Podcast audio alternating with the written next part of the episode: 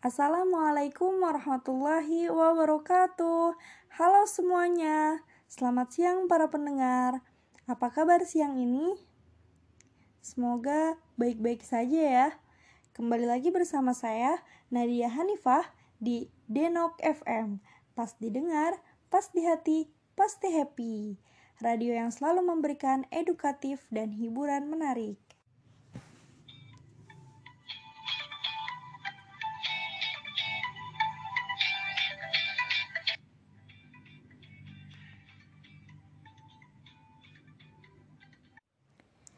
Sejumlah informasi dan lagu-lagu yang telah disiapkan oleh tim Denok FM untuk menemani suasana di siang hari para pendengar selama 30 menit ke depan. Jika Anda memiliki kritik dan saran bisa hubungi nomor 0858 8854 2021. Saya ulangi ya, 0858 8854 2021. Sebelum lanjut pada informasi yang akan disampaikan, pada siaran kali ini, kita dengarkan sebuah lagu dulu yuk. Selamat mendengarkan. Allahu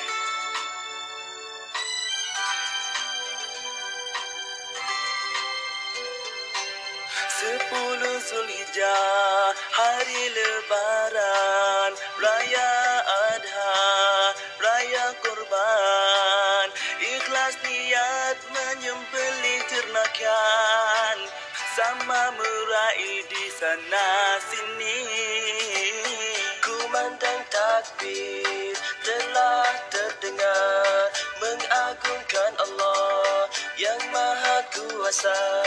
Begitu syahdu rasa di dada Terasa damai di hati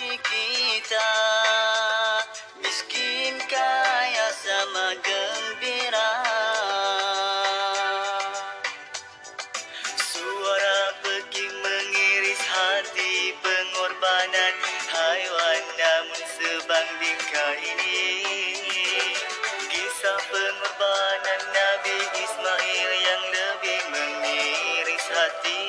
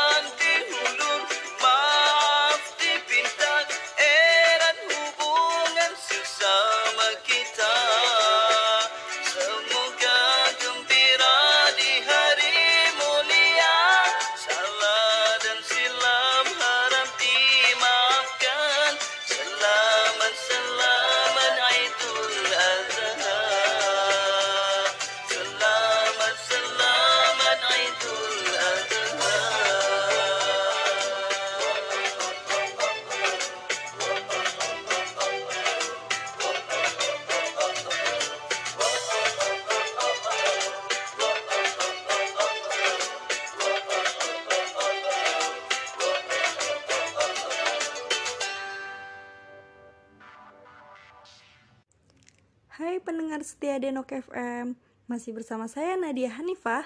Dalam kesempatan kali ini, saya akan membahas tentang berkurban. Karena sebentar lagi sebagian umat muslim kita akan merayakan Idul Adha. Nah, Denokers, tahu nggak bagaimana kisah awal mula ada kurban dalam Islam?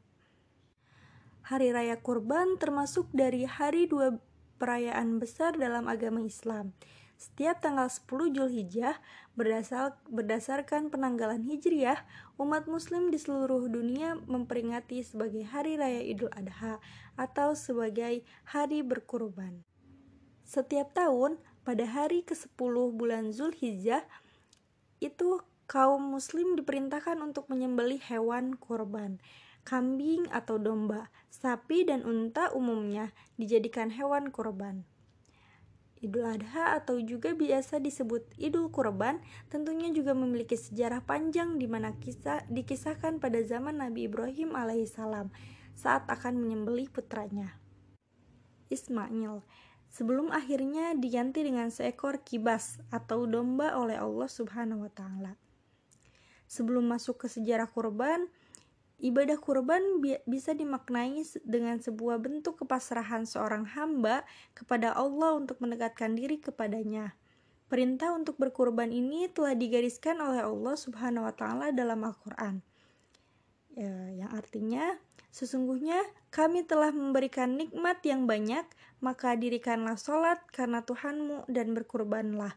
Quran Surat Al-Kausar ayat 1 dan 2 Perayaan Hari Raya Idul Adha tidak lepas dari pemotongan hewan kurban. Asal mula kurban berawal dari lahirnya Nabi Ismail alaihi salam. Pada saat itu dikisahkan bahwa Nabi Ibrahim alaihissalam tidak memiliki anak hingga di masa tuanya.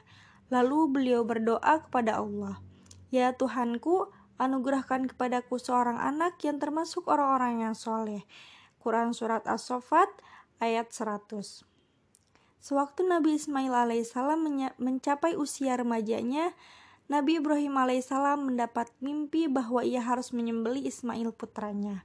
Mimpi seorang nabi adalah salah satu dari cara turunnya wahyu Allah Subhanahu wa taala. Maka perintah yang diterimanya dalam mimpi itu harus dilaksanakan oleh Nabi Ibrahim alaihissalam. Nabi, Nabi Ibrahim alaihissalam pun akhirnya menyampaikan isi mimpinya kepada Ismail untuk melaksanakan perintah Allah Subhanahu wa taala untuk menyembeli Ismail.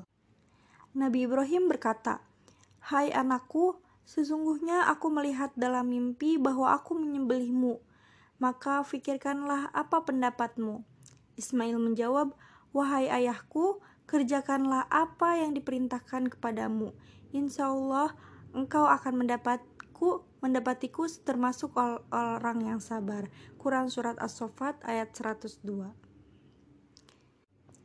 Nabi Ismail meminta ayahnya untuk mengerjakan apa yang Allah perintahkan, dan beliau berjanji kepada ayahnya akan menjadi seorang yang sabar dalam menjalani perintah itu. Sungguh mulia sifat Nabi Ismail alaihi salam. Allah memujinya di dalam Al-Quran. Dan ceritakanlah wahai Muhammad kepada mereka kisah Nabi Ismail yang tersebut di dalam Al-Quran Sesungguhnya ia adalah seorang yang benar janjinya dan dia adalah seorang rasul dan nabi. Quran surat Maryam ayat 54. Nabi Ibrahim lalu membaringkan anaknya dan bersiap melakukan penyembelihan. Nabi, Nabi Ismail alaihissalam pun siap menaati instruksi ayahnya. Nabi Ibrahim alaihissalam dan Nabi Ismail alaihissalam nampak menunjukkan keteguhan, ketaatan, dan kesabaran mereka dalam menjalankan perintah itu. Saat Nabi Ibrahim alaihissalam hendak mengayunkan parang, Allah Subhanahu wa taala lalu menggantikan tubuh Nabi Ismail alaihissalam dengan sembelihan besar, yakni berupa domba jantan dari surga yang berwarna putih, bermata bagus, dan bertanduk. Hai Ibrahim, sesungguhnya kamu telah membenarkan mimpi itu. Sesungguhnya demikianlah kami memberi balasan kepada orang-orang yang berbuat baik. Sesungguhnya ini benar-benar suatu ujian yang nyata, dan kami tebus anak itu dengan seekor sembelihan yang besar. Quran As-Sofat ayat 104 dan 107. Kejadian tersebut merupakan suatu mukjizat dari Allah Subhanahu wa taala yang menegaskan bahwa perintah pengorbanan Nabi Ismail alaihissalam itu hanya suatu ujian bagi Nabi Ibrahim alaihissalam dan Nabi Ismail alaihissalam sampai sejauh mana cinta dan ketaatan mereka kepada Allah. Ternyata keduanya telah lulus dalam ujian yang sangat berat itu. Nabi, Isma, Nabi Ibrahim alaihissalam telah menunjukkan kesetiaan yang tulus dengan pengorbanan putranya untuk berbakti melaksanakan perintah Allah Subhanahu wa taala. Sedangkan Nabi Ismail alaihissalam tidak sedikit pun ragu atau bimbang dalam menjalankan perintah Allah Subhanahu wa taala dengan menyerahkan jiwa raganya untuk dikorbankan kepada orang tuanya. Dari sinilah asal permulaan sunnah berkurban yang dilakukan oleh umat Islam pada tiap hari raya Idul Adha di seluruh pelosok dunia. Nah, jadi gitu Denokers, itulah kisah awal mula kurban. Nah, selanjutnya saya akan kasih tahu para Denokers tentang manfaat berkurban. Yang pertama, mendekatkan diri kepada Allah Subhanahu wa taala. Mendekatkan diri kepada Allah Subhanahu wa taala Kurban berasal dari kata kurb atau kurban yang berarti dekat. Sedangkan penulisan kurban dengan imbuan alif dan nun bermakna kesempurnaan. Sehingga kurban atau kurban adalah kedekatan yang sempurna. Atau dalam makna lainnya, kurban berarti menyembelih hewan untuk melaksanakan perintah Allah Subhanahu wa taala sekaligus mendekatkan diri kepada Yang Maha Kuasa. Yang kedua, menyadarkan bahwa segala sesuatunya akan kembali kepada Allah Subhanahu wa taala. Berkaca dari kisah Nabi Ibrahim alaihissalam yang rela mengorbankan anak semata wayangnya Ismail untuk disembelih karena perintah Allah, menyadarkan kita bahwa segala sesuatu yang diberikan Allah mulai dari harta, harta, kecantikan, ketampanan hingga keluarga adalah titipan dan akan kembali kepada Allah Subhanahu wa taala. Sehingga sebagai manusia sebaiknya tidak menyombongkan diri ataupun terlalu mencintai sesuatu melebihi cintanya dengan Allah Subhanahu wa taala. Yang ketiga, mensucikan diri dari harta benda. Menurut hadis riwayat Tirmizi, ibadah berkurban adalah salah satu ibadah yang disukai dan dimuliakan oleh Allah Subhanahu wa taala.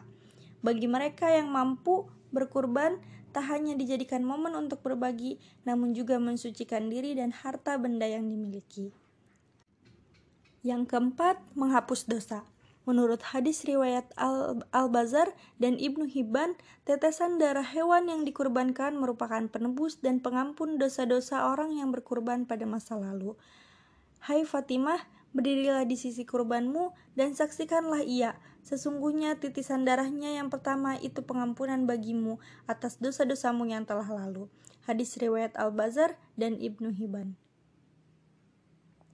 Yang kelima, sebagai bentuk syukur. Berkurban adalah bentuk rezeki yang dititipkan Allah untuk disalurkan kepada orang yang lebih membutuhkan. Selain itu, dalam Islam juga diajarkan untuk saling berbagi dan membantu saudara yang membutuhkan. Tak hanya itu, berkurban juga dilaksanakan sebagai bentuk syukur atas rezeki yang melimpah dan diberikan Allah sehingga mampu menyalurkannya untuk banyak orang.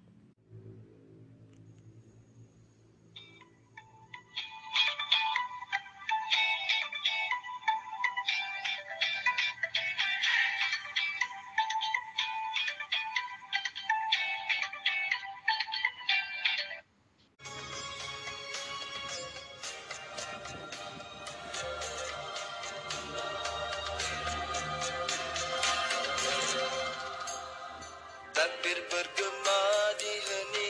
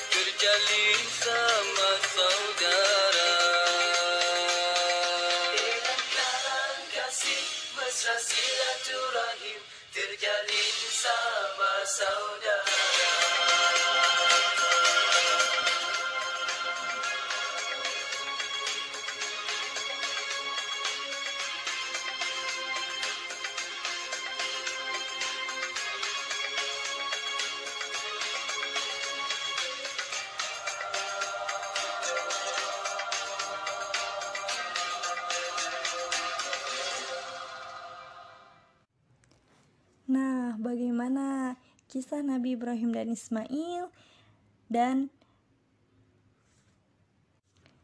manfaat berkurban. Nah, mungkin itu saja ya yang dapat saya sampaikan pada siaran kali ini karena tak terasa waktu sudah 30 menit kita harus berpisah. Demikian siaran kita kali ini. Semoga yang mendengarkan mendapatkan pengetahuan dari siaran ini dan bermanfaat bagi kita semua.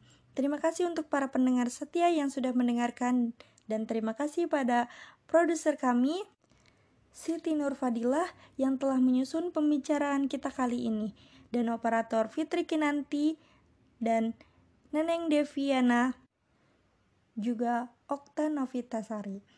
Saya Nadia Hanifah pamit undur diri. Jangan lupa untuk mendengarkan siaran Denok FM selanjutnya. Terima kasih. Wassalamualaikum warahmatullahi wabarakatuh.